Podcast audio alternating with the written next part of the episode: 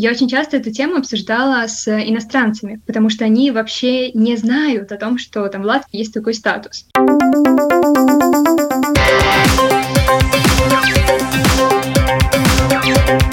Поколение Z. Здравствуйте, с вами Марина Талапина, режиссер программы Даниэль Йоффе. И спасибо, что подписываетесь на нас, слушаете наши подкасты на платформах Spotify, Google, Apple Podcasts. И также, я напомню, нас можно найти в Фейсбуке, в Инстаграме и на Ютубе, и, э, конечно, на нашем сайте lr4.lv. Тема, которую предложили поднять сегодня э, ребята, касается не граждан нашей страны. С этим статусом в Латвии проживают около 200 тысяч человек. И это не только люди старшего возраста или пожилые, среди них есть и молодые. И поэтому сегодняшняя наша программа называется I'm an alien, I'm a legal alien.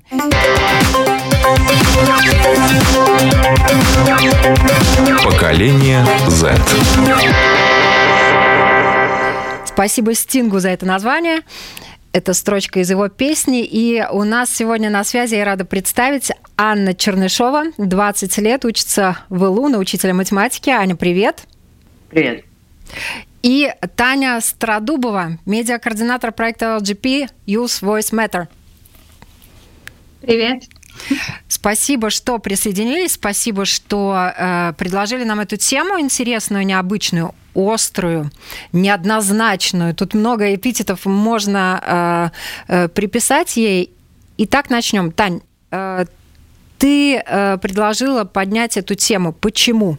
Ну, наверное, изначально это была не совсем моя идея, то есть не только моя идея, потому что, как вы уже и сказали, что я работаю сейчас э, в рамках проекта Латвийского совета молодежи LEP Youth Voice Matters, в рамках которого мы, в принципе, рассматриваем отношения между латышскими и русскоговорящими ребятами, молодежью, молодежными организациями, пытаемся понять, как вообще э, так сложилось, что эти два таких общества как будто бы живут отдельно, хотя и русскоговорящие ребята, и молодежные организации делают потрясающие вещи, и латышские тоже. Но как, как свести вместе, как э, улучшить это сотрудничество? Вот, и поднимая различные темы, разговаривая с ребятами, мы тоже коснулись темы негражданства, потому что очень часто, как вы и сказали, что один из стереотипов — это то, что неграждане чаще всего это люди там, за 40 лет, статистически так и есть, что большинство действительно не граждан, это люди за 40 лет. Но есть и вот такие молодые, как мы с Аней и другие ребята, которые довольно активно занимаются различными вещами, работают с молодежью и меняют какие-то вещи в нашем обществе к лучшему. Вот. Но мы также являемся не гражданами нашей страны. Поэтому мне было интересно тоже найти таких же ребят, которые показали бы, что не граждане Латвии могут быть такими же активными и потрясающе владеть латышским языком и менять какие-то процессы в нашем обществе. Но эта позиция в вашем возрасте, это скорее уже такая э, позиция политическая, да? Э, в каком плане? А, у вас была возможность наверняка а, Э, легализоваться. Ну, давайте, наверное, об этом чуть попозже поговорим. Да, а, Аня, хотелось бы услышать твою позицию по этому вопросу. Немножко расскажи, может быть, о себе. Я надеюсь, что все поняли, что Таня а, занимается активно э, различными проектами в Латвийском молодежном совете и работает с различными организациями и так далее. Ну вот, Ань, расскажи немножко о себе. Да, я учусь на учителя математики и работаю в школе с детьми, преподаю математику. А, в целом очень, в основном участвую в каких-то организациях, которые связаны как-либо с образованием. Вот, например, там, по выходным а, помогаю вести занятия в факультативной школе. И в целом как бы, занимаюсь больше образованием, образованием детей. Так. Вы родились в Латвии? А, да, я родилась в Латвии. И, ну, вот я не гражданка, потому что там родители не граждане. И, например, у меня есть а, там, большая семья, у меня пятеро братьев-сестер, и самому младшему сейчас пять лет. И э, они тоже все не граждане. То есть такой, самый молодой не граждан, которого я знаю, вот ему сейчас пять лет. И, скорее всего, в ближайшие лет 10 он еще не гражданам будет оставаться. Тань, ты тоже родилась в Латвии? Да, я тоже родилась в Латвии, и у меня тоже у родителей э, статус э, неграждан был. Вот, хотя мой отец родился в Латвии, а, но моя мама, она из Украины. То есть она вышла замуж и переехала сюда. Вот. Для вашего поколения достаточно легко можно натурализоваться, но вы этого не сделали. Вопрос почему? Давай, Тань, с тебя начнем. Аня продолжит. А, на самом деле у меня была такая мысль, у меня была мысль натурализоваться, я даже как-то готовилась к экзамену, вот, но в какой-то момент, э, ну да, на самом деле есть, конечно, много причин, по которым я все еще нахожусь в статусе негражданина. А, первое, это, наверное, бюрократия, это собирать бумажки, доказательства того, что я живу в Латвии там последние 5 или 10 лет, о том, что я здесь там учусь, работаю, а, сдавать экзамен, ходить подавать какие-то документы. Ну, то есть это тоже очень значимо меня останавливало, потому что, ну, хочется тратить свое время и ресурсы на какие-то другие процессы. Вот. И второе, ну, наверное, я не буду скрывать, действительно, это есть такая небольшая обида, э, скажем так, на ситуацию, потому что, э, ну, казалось бы, да, я родилась в этой стране, там, получила высшее образование в этой стране на государственном языке, который является сейчас, ну, таким моим вторым языком. Мне даже иногда на русском языке сложнее изъясняться, чем на латышском. Вот, и ну, я довольно активно работаю в различных молодежных организациях и там на разных уровнях работаю с молодежью. И, конечно, не очень хочется куда-то идти и доказывать, что вот посмотрите на меня или там послушайте, я достойна быть гражданином этой страны. То есть, конечно, хочется, чтобы как-то автоматически это признали. Я понимаю, что там по законодательству так это не работает, но вот внутри такой мой маленький внутренний капризный ребенок э, хочет именно этого. То есть, наверное, это тоже одна из э, один из факторов, которых меня, который меня останавливает, такой эмоциональный, внутренний, такая моя небольшая внутренняя борьба. Вот. Ну и еще, наверное, то, что этот процесс занимает достаточно долгое время, и какое-то время оставаться без паспорта, то есть без возможности куда-то выехать. Ну, сейчас во время пандемии, конечно, это не, ну, не имеет такого большого значения, но раньше я довольно часто ездила по разным международным проектам, и, соответственно, я не могла просто остаться без паспорта.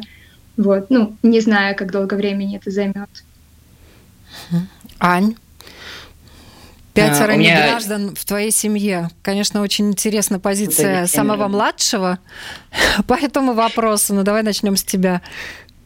А, на самом деле, взять гражданство, у меня этот вопрос как бы возникает периодически. Первый раз он а, как бы возник вот, на рубеже, когда мне исполнялось 15 лет, потому что до 15 лет гражданство можно взять а, очень там, легко, не заполняя никаких бумаг. Да. Но при этом еще как бы такой фактор, что, да, я как бы родилась в Латвии, но мои родители, пускай в очень раннем возрасте, там, до 15 лет, они переехали в Латвию. Но, тем не менее, у них осталось очень много родственников в России. И э, у нас был такой фактор, там, если касается семьи, то, что мы ездили каждый год к нашим родственникам, и чтобы, если бы мы все взяли гражданство, чтобы семерым людям выехать в Россию и сделать визу, то стоит какой-нибудь, там, не знаю, отпуск какой-нибудь в любой другой стране, там, не знаю. А, Дешевле Кажется, съездить, что... да, тогда получается куда-нибудь отдохнуть. Да, да чтобы просто съездить на машине к своим родственникам, там увидеть бабушку и а, пообщаться с семьей, это ну, какое-то большое финансовое вложение. И поэтому, исходя из этой логики, мы долгое время не делали никакого гражданства. И в целом, то есть, э, когда тебе 15 лет, и тебе там у меня тут было так, что там, через месяц был день рождения, и мне мама звонит, спрашивает, а, там, не хочешь взять гражданство? Я говорю, когда тебе 14, там, не знаю, играешь в прятки в школе, э, и тебе задают такие вопросы, хочешь ли ты брать гражданство, потому что через там 4 года ты, возможно, будешь когда-то поступать, а возможно, не будешь, и вообще вот давай решай уже сейчас. Э, это выглядело как-то очень страшно и странно. И кажется, что ну, всегда можно его взять, и всегда от него можно отказаться. То есть обратно не гражданином как будто ты уже не станешь. И поэтому как бы такое решение очень сложно принимать, когда, ну, когда тебе 14 и тому подобное. А, и потом еще есть какой-то период, когда мои друзья активно начали там, брать гражданство, те, кто были не граждане, потому что, э, ну, во-первых, это никогда не было связано, ну, в моей памяти с каким-то именно политическим вопросом. То есть никогда не было стремления людей вот понять, что я хочу, например, пойти голосовать, поэтому я беру гражданство. Это всегда было связано с чем-то очень практическим. Допустим, я хочу поступать в Англию в университет, поэтому я сейчас вот за этот год должен взять гражданство. И это кажется более понятным. То есть тогда имеет, наверное, смысл как-то там напрячься, сдать паспорт, там принести свой сертификат о знании латышского языка, потому что ну, есть какая-то цель. Там, я хочу учиться где-то, я хочу поехать на какой-то проект, чтобы мне все это было там, не знаю, дешевле, удобнее и так далее. Да, тогда есть смысл брать гражданство. А, я, например, как там, мне очень хотелось остаться в Латвии после школы, и очень хотелось как-то здесь учиться и работать, и очень хотелось прям так полноценно выучить латышский язык, потому что в школе, наверное, с этим вот, более труднее было. Здесь, когда ты получаешь образование латышском, у тебя как будто бы нет вариантов. И мне это как бы гражданство, ну, то есть вопрос, зачем? А, конечно, мне, наверное, хотелось там полностью быть частью там, государства, там иметь возможность голосовать, но опять же, когда тебе 18, и тебе говорят, что, во-первых, мой сертификат по латышскому я уже просто не принесу, то есть мне нужно сдавать экзамен, а, и прочее, да, вот э, недавно открывала на сайте время пандемии, хотела, думала, опять взять гражданство, там открываешь, во-первых, список документов, которые тебе нужны, уже не особо впечатляет, воодушевляет. Брать гражданство, только чтобы быть, занять какую-то активную гражданскую позицию. Ну и потом еще, да, там, еще такой момент, что, допустим, вот с марта это сделать можно только электронно, для этого нужна электронная подпись, что вытекают еще какие-то дополнительные действия. И тебе кажется, что я легче... Ну, как бы, вообще непонятно, зачем это. Легче, чтобы все осталось так, как есть, да? Ну, наверное, э, не знаю, какие-то опции, которые тебе предлагает там, твое гражданство, какие тебе преимущества дает, они не, не перевешивают вот этот вот бюрократический процесс, время, которое ты затрачиваешь. И вообще, да, и в итоге все скатывается к вопросам, а почему я вообще должен тратить месяца, там, ходить, сдавать там кучу экзаменов, приносить там кучу бумажек и там проходить этот процесс, когда я тут родился и тут там живу точно так же, как мои одноклассники, например. А вот э, своим э, сестрам, братьям, у тебя младшие, старшие? Самым младшим мы поняли 5 лет. Э, да, они все, все младшие. Все младшие, да. Вот ты им будешь э, рекомендовать все-таки, чтобы они получали гражданство в 15 лет или нет? Ну, это хороший вопрос, потому что э, трудно сказать. А, потому что, на самом деле, после 15 лет у меня правда были случаи, когда вот мне нужно было одной там съездить к родственникам в Россию или еще что-то такое. И процесс, во-первых, визы, то есть ну, не очень приятный, и мне все время как бы облегчал жизнь то, что мне не нужно его проходить. И мне кажется, что не, как-то неестественно в 14 лет решить, что я хочу быть гражданином страны, когда я там не гражданин. И мне кажется, что, допустим, в той же школе, к 12 классу, этот выбор будет более какой-то осознанный. И лучше его делать тогда, потому что ну, не знаю, например, мне как бы не трудно сдать экзамен. Я сдавала государственный экзамен вообще по истории. И, то есть такие вопросы, они как будто бы не сильно смущают. А, но хочется, хочется, чтобы это было, наверное, если ты уже родился не гражданом, если твои родители там решили за тебя при рождении, то, наверное, вопрос взять гражданство, хотелось бы, чтобы он был более каким-то осознанным. Поэтому, наверное, ответ нет. Ну, вы общаетесь с другими ребятами, которые не граждане, да, и с другими ребятами, которые граждане, как вы уже сказали, да. Вот как они э, оценивают то, что вы гражданство взяли, не взяли, у вас дискуссии, вопросы, какие-то беседы на эту тему возникают, Тань? Ну, честно говоря, моих сверстников не граждан я, наверное, не знаю. Ну, их вот, очень мало, принципе... статистически тоже, конечно. Угу. Да, но в принципе я никогда, наверное, не разговаривала на эту тему ни с кем до момента, когда я поступила э, еще на бакалавра, я училась на социолога, и на первом или на втором курсе, ну, у меня в основном все однокурсники были латыши, вот, и, ну, в общем, на каком-то курсе мы пошли на экскурсию в Сейм, а там, чтобы пройти, нужно было свой паспорт э, дать, чтобы нам сделали пропуск.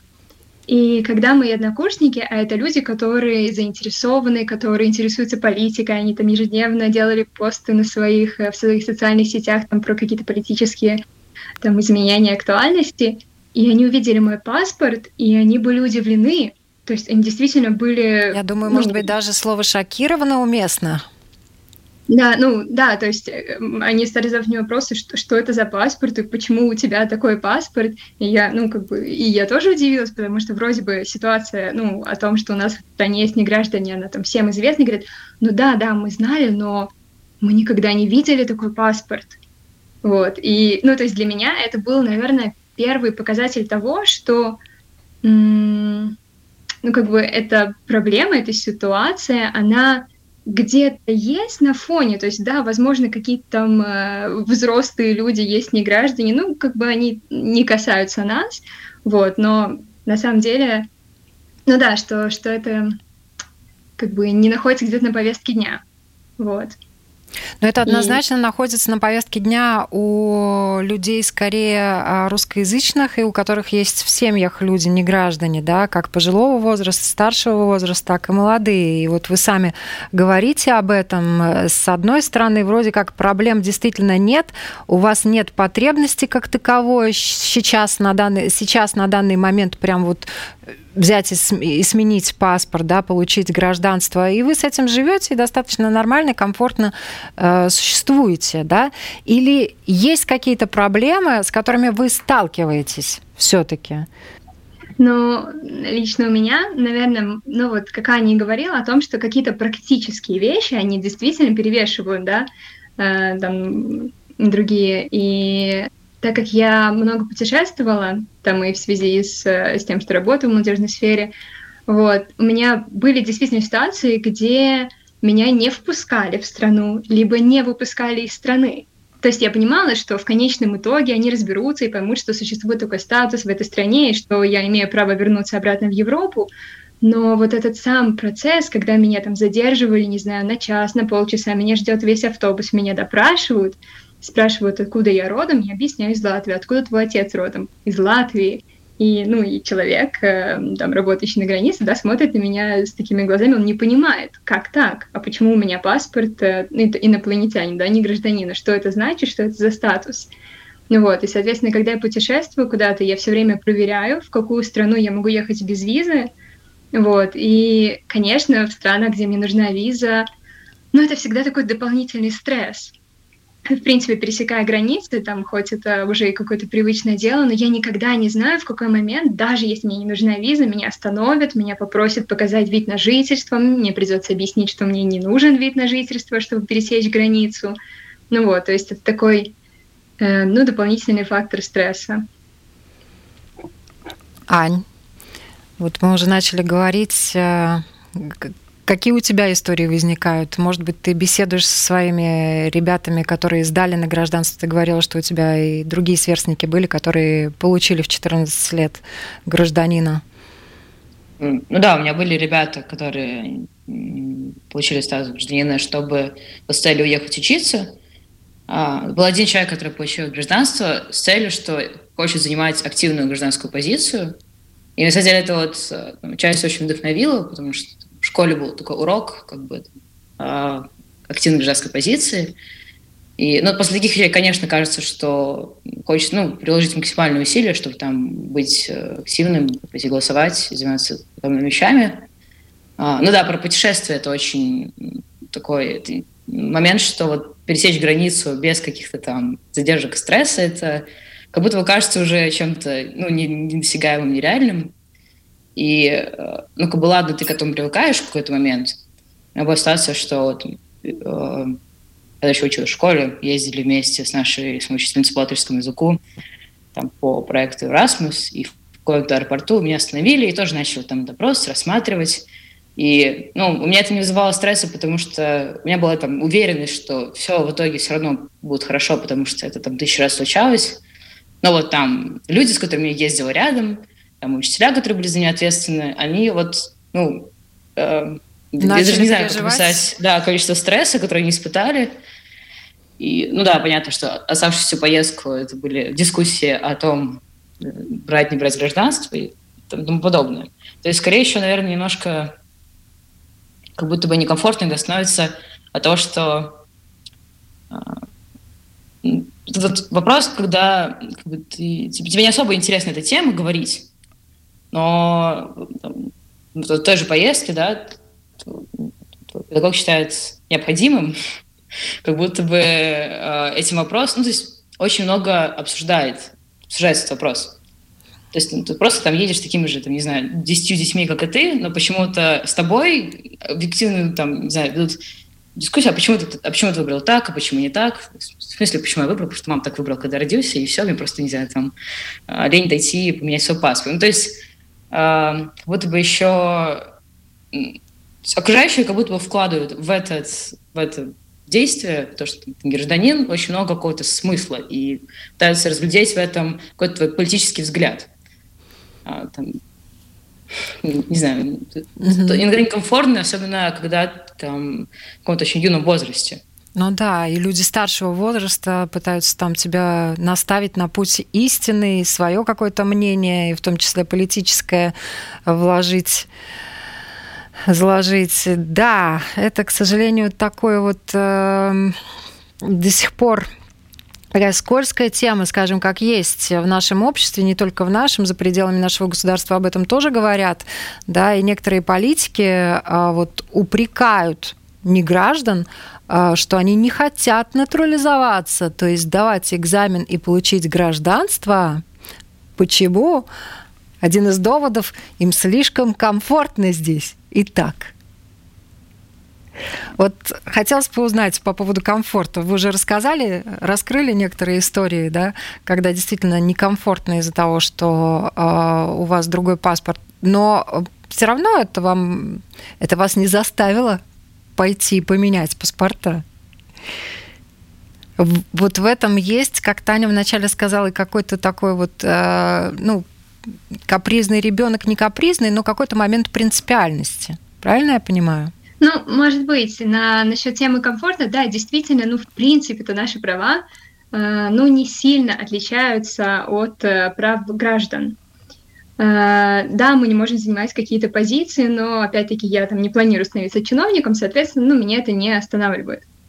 Вот, но о чем Аня тоже сказала, это про активную гражданскую позицию – и, конечно, ну, для меня это тоже такой больной вопрос, потому что, с одной стороны, мне хочется, мне хочется голосовать, мне хочется принимать участие да, и в политической там жизни общества и как-то влиять на, на нее, вот, но но так как до этого я не особо интересовалась, потому что у меня был повод. Вот, наверное, в этом и заключается, да, это удобство, что у меня позиция, ну, я как бы могу особо не интересоваться, потому что я же все равно никак не могу повлиять, я не могу голосовать, у меня нет такого права.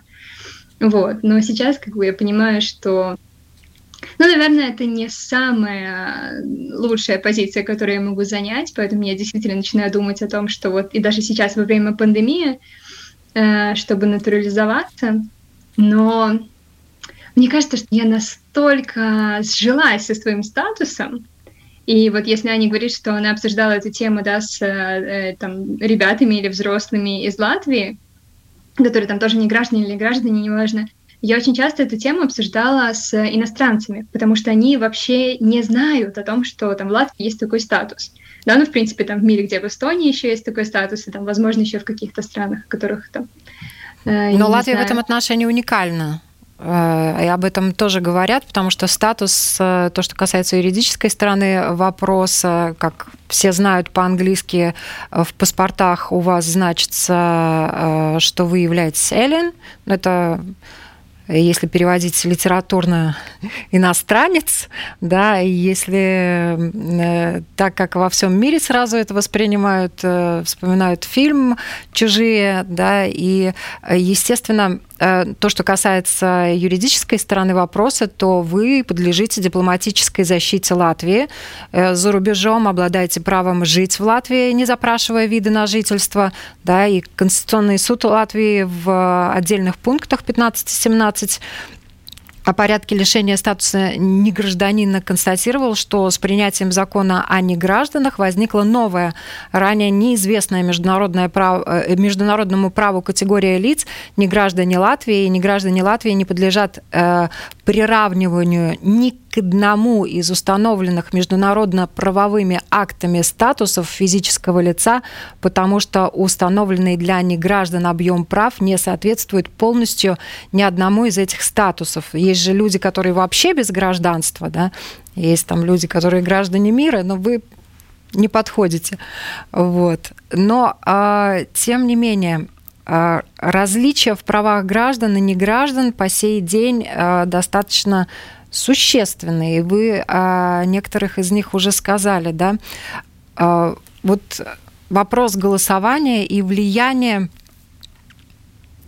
Насколько активны э, ребята, которые получили э, паспорта граждан вот, ходят на выборы, если вы знаете об этом? Я могу сказать, что вот мои там, друзья, которые получили гражданство, ну и все там пару человек, а, они вот, там них какая-то часть сделать там, действительно, чтобы ехать, но какая-то часть, чтобы вот, занимать активную гражданскую позицию.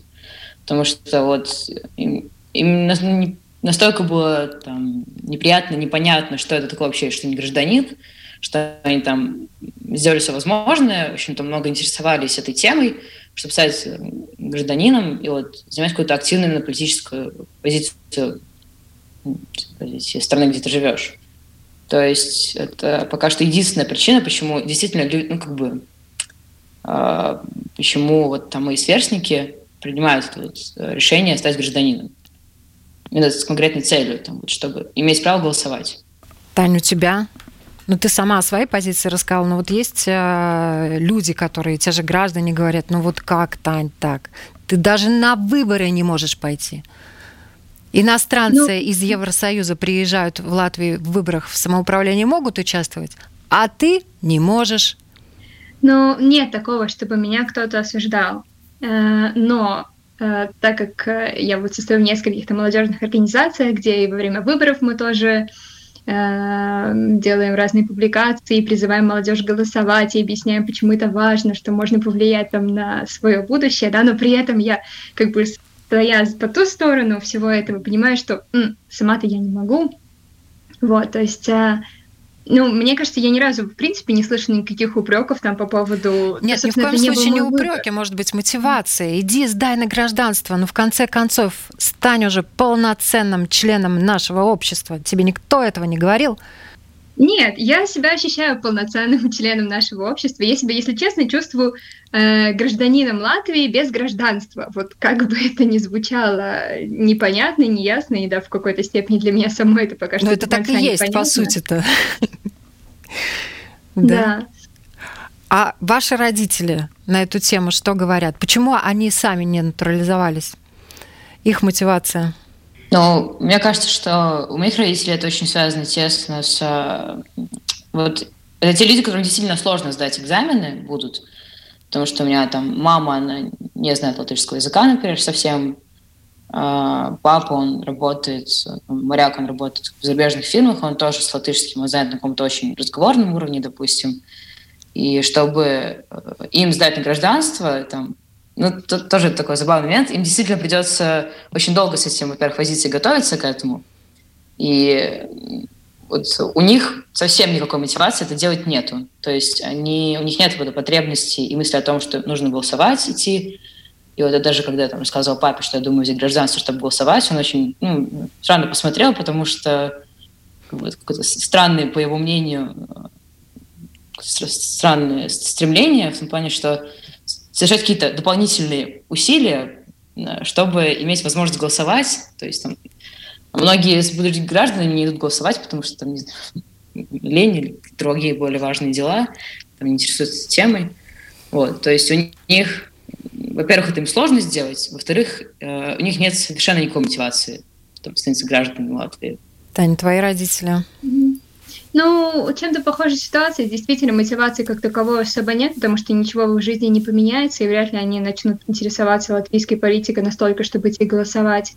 Плюс, ну вот у меня мама, она приехала с Украины, соответственно, ей, ну, то есть для нее латышский это чужой э, язык, и она работает учительницей и максимально пытается выучить язык, но если в повседневной жизни все друзья, все общение происходит на русском языке, то просто негде практиковать, и от этого тоже сложнее в возрасте выучить латышский язык. Соответственно, ну, я, в принципе, тоже не вижу особого смысла там моим родителям натурализоваться. Если у меня брат и сестра старшие, они, ну, они граждане Латвии, брат, он э, осознанно сделал выбор, он пошел в латышскую школу и, так мы говорим, облатышился. вот, то есть он автоматически получил гражданство, и сестра она сдавала. Вот. Ну и мне кажется, что в какой-то момент я тоже захочу натурализоваться, и, возможно, очень скоро. Ну да, потому что на самом деле это открывает э, также и другие перспективы. Ты сможешь э, занимать э, должности в госсекторе, не только в госсекторе, в частном предпринимательстве тоже есть ряд закрытых для неграждан э, сфер, да, например, если человек связан с юриспруденцией, он не может работать с адвокатом, например, да. Есть также и другие специ- специальности, хотя, например, там, конечно, непонятно, почему спасателем не может работать не гражданин, да, в государственной пожарно-спасательной службе. Я думаю, что на пожаре человек будет также спасать неважно, э, гражданин он или не гражданин, но тем не менее, да, там, в правоохранительных органах не граждане работать не могут. Вот э, слушая вас, я понимаю, что вы э, планируете связать свою судьбу с Латвией, да? Далеко уезжать не собираетесь. Вот. В нашей стране хотите быть реализованными, правильно? Ну, скорее всего, да. Как? Ну да, у меня тоже как бы э, такая реализация, там, постоянная жизнь, это, ну, Э, с какой-то очень-очень большой вероятностью мне хотелось бы э, провести в Латвии. Ну, как бы я не исключаю возможность там уехать получить какой-то опыт там где-то еще, но в конечном итоге все равно мне очень хотелось бы вернуться в Латвию, потому что... Ну, Почему? По многим причинам.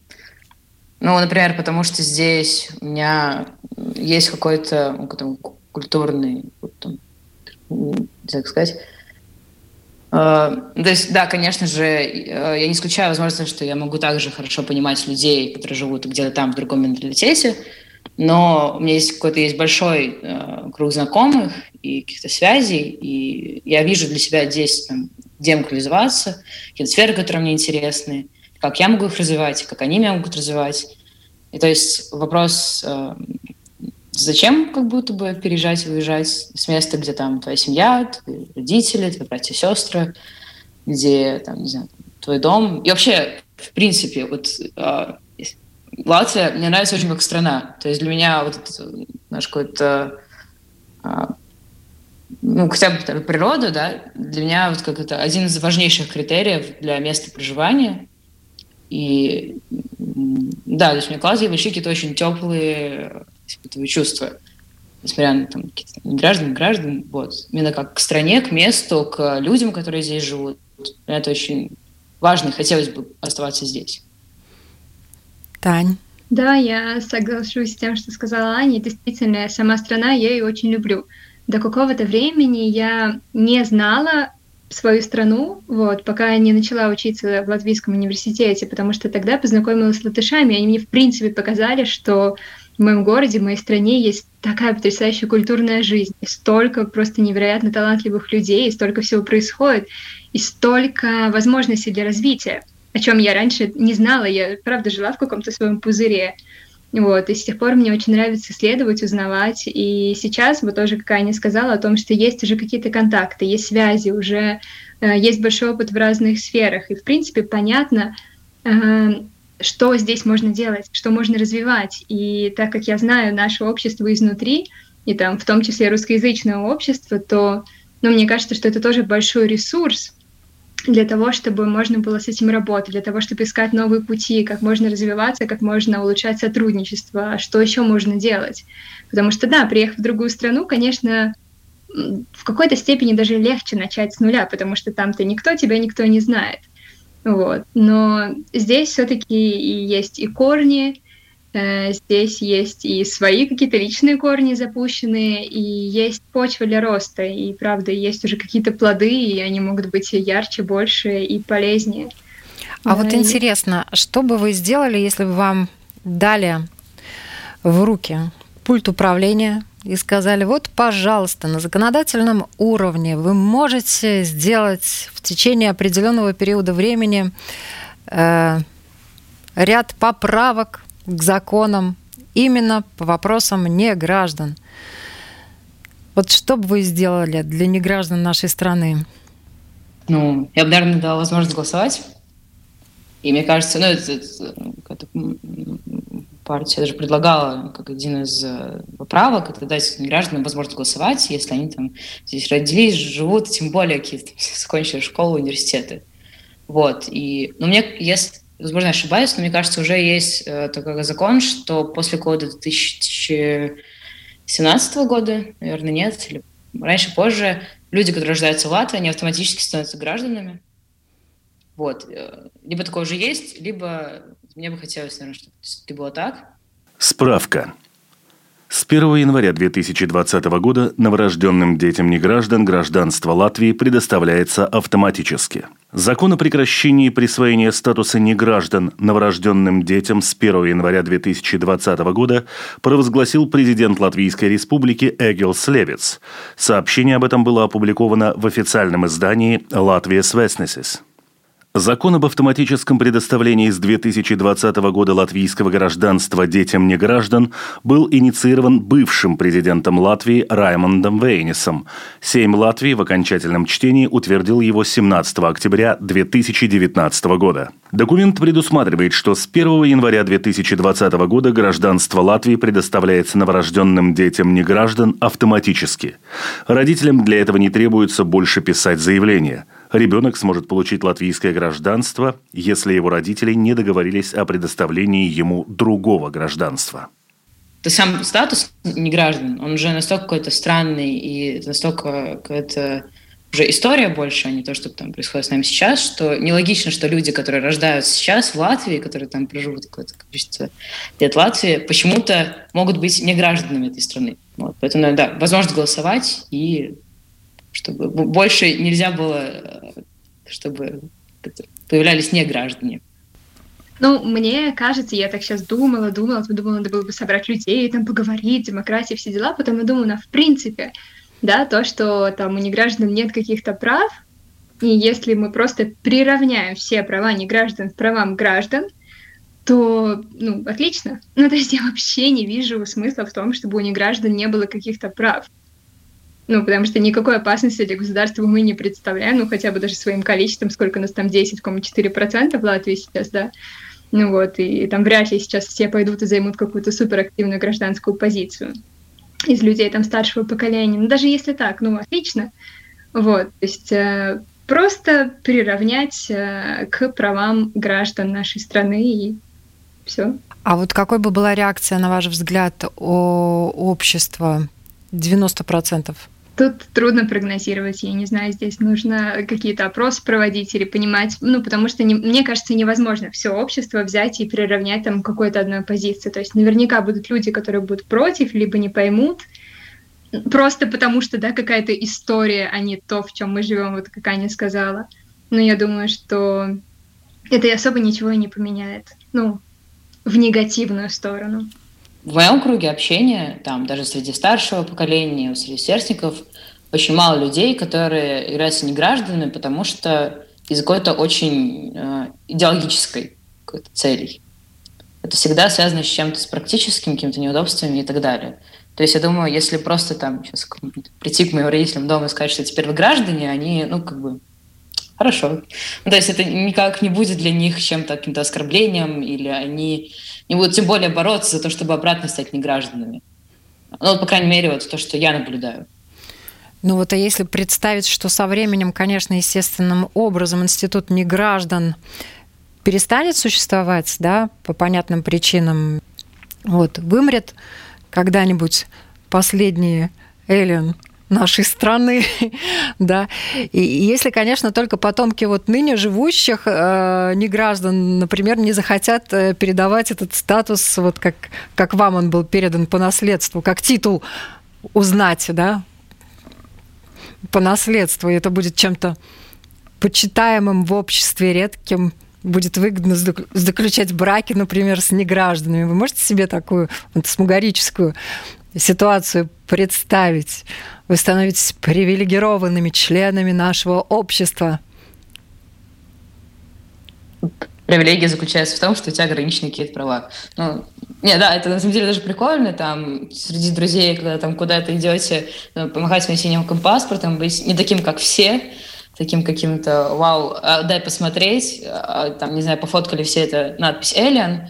Это, конечно, очень весело, но, ну, как бы... А, но это и все, Мне да? кажется, что вот еще про, вот про наследство, почему там родители там, делают своих детей не, граждан, не гражданами, вот, но мне кажется, что только из той как бы, логики, что потому что, ну, как бы, чтобы одна семья была в каком-то одном положении.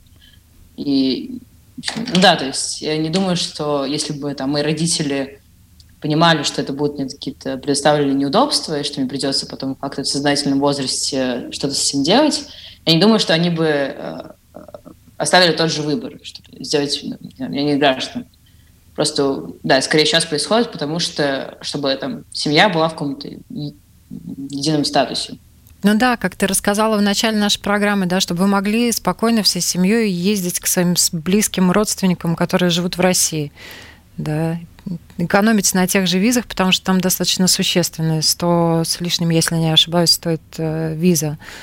Мне кажется, что, возможно, какие-то люди действительно из идеологических побуждений захотели бы оставить этот статус, ну вот просто, не знаю, из, из каких-то больше таких эмоциональных даже, может быть, э, позывов, но но людям нравится диковинка, да, то есть мне кажется, что вот эта вот фантазия о том, что там оставался бы какой-нибудь один э, негражданин, и там вот э, и пытались бы из поколения в поколение какую-нибудь диковинку передать, вот как людям нравится какую-нибудь своеобразную, там, не знаю, статуэтку из поколения в поколение передавать, которая абсолютно бессмысленна, но вот, но это такая историческая память о том, как же когда-то было, мне кажется, что это вполне реально было бы, и нашлись бы точно люди, которые всеми там правдами, неправдами пытались бы сохранить этот статус, потому что действительно это что-то интересное, уникальное, что-то, о чем можно поговорить, о чем можно покрасоваться, так сказать.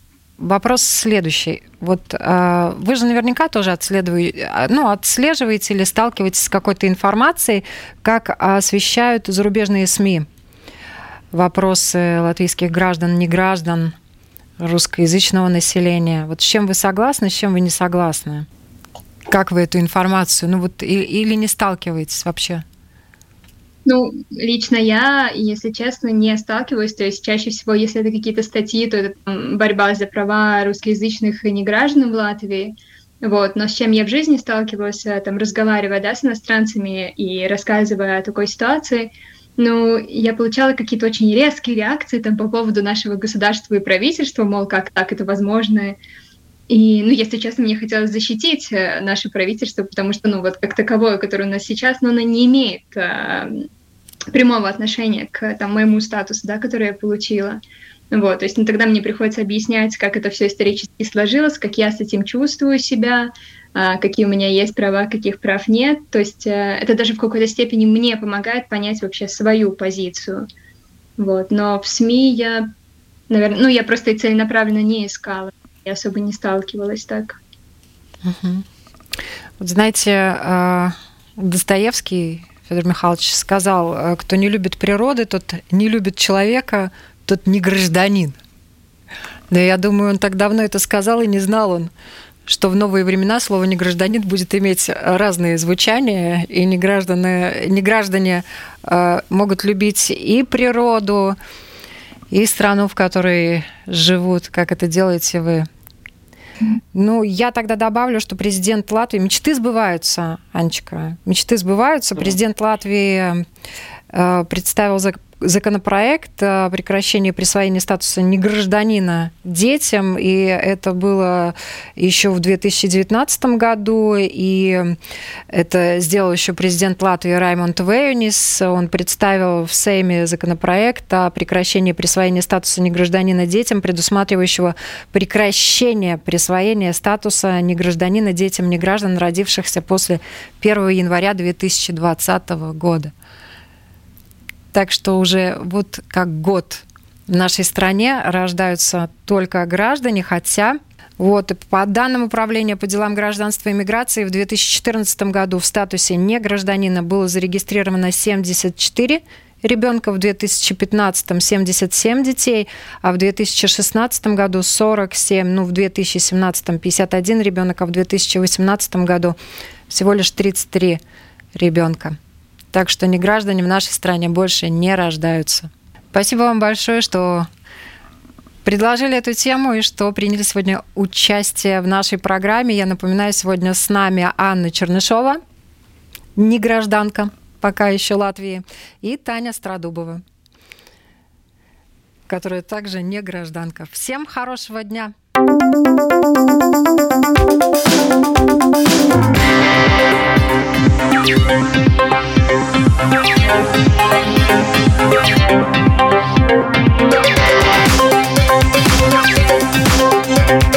Поколение Z.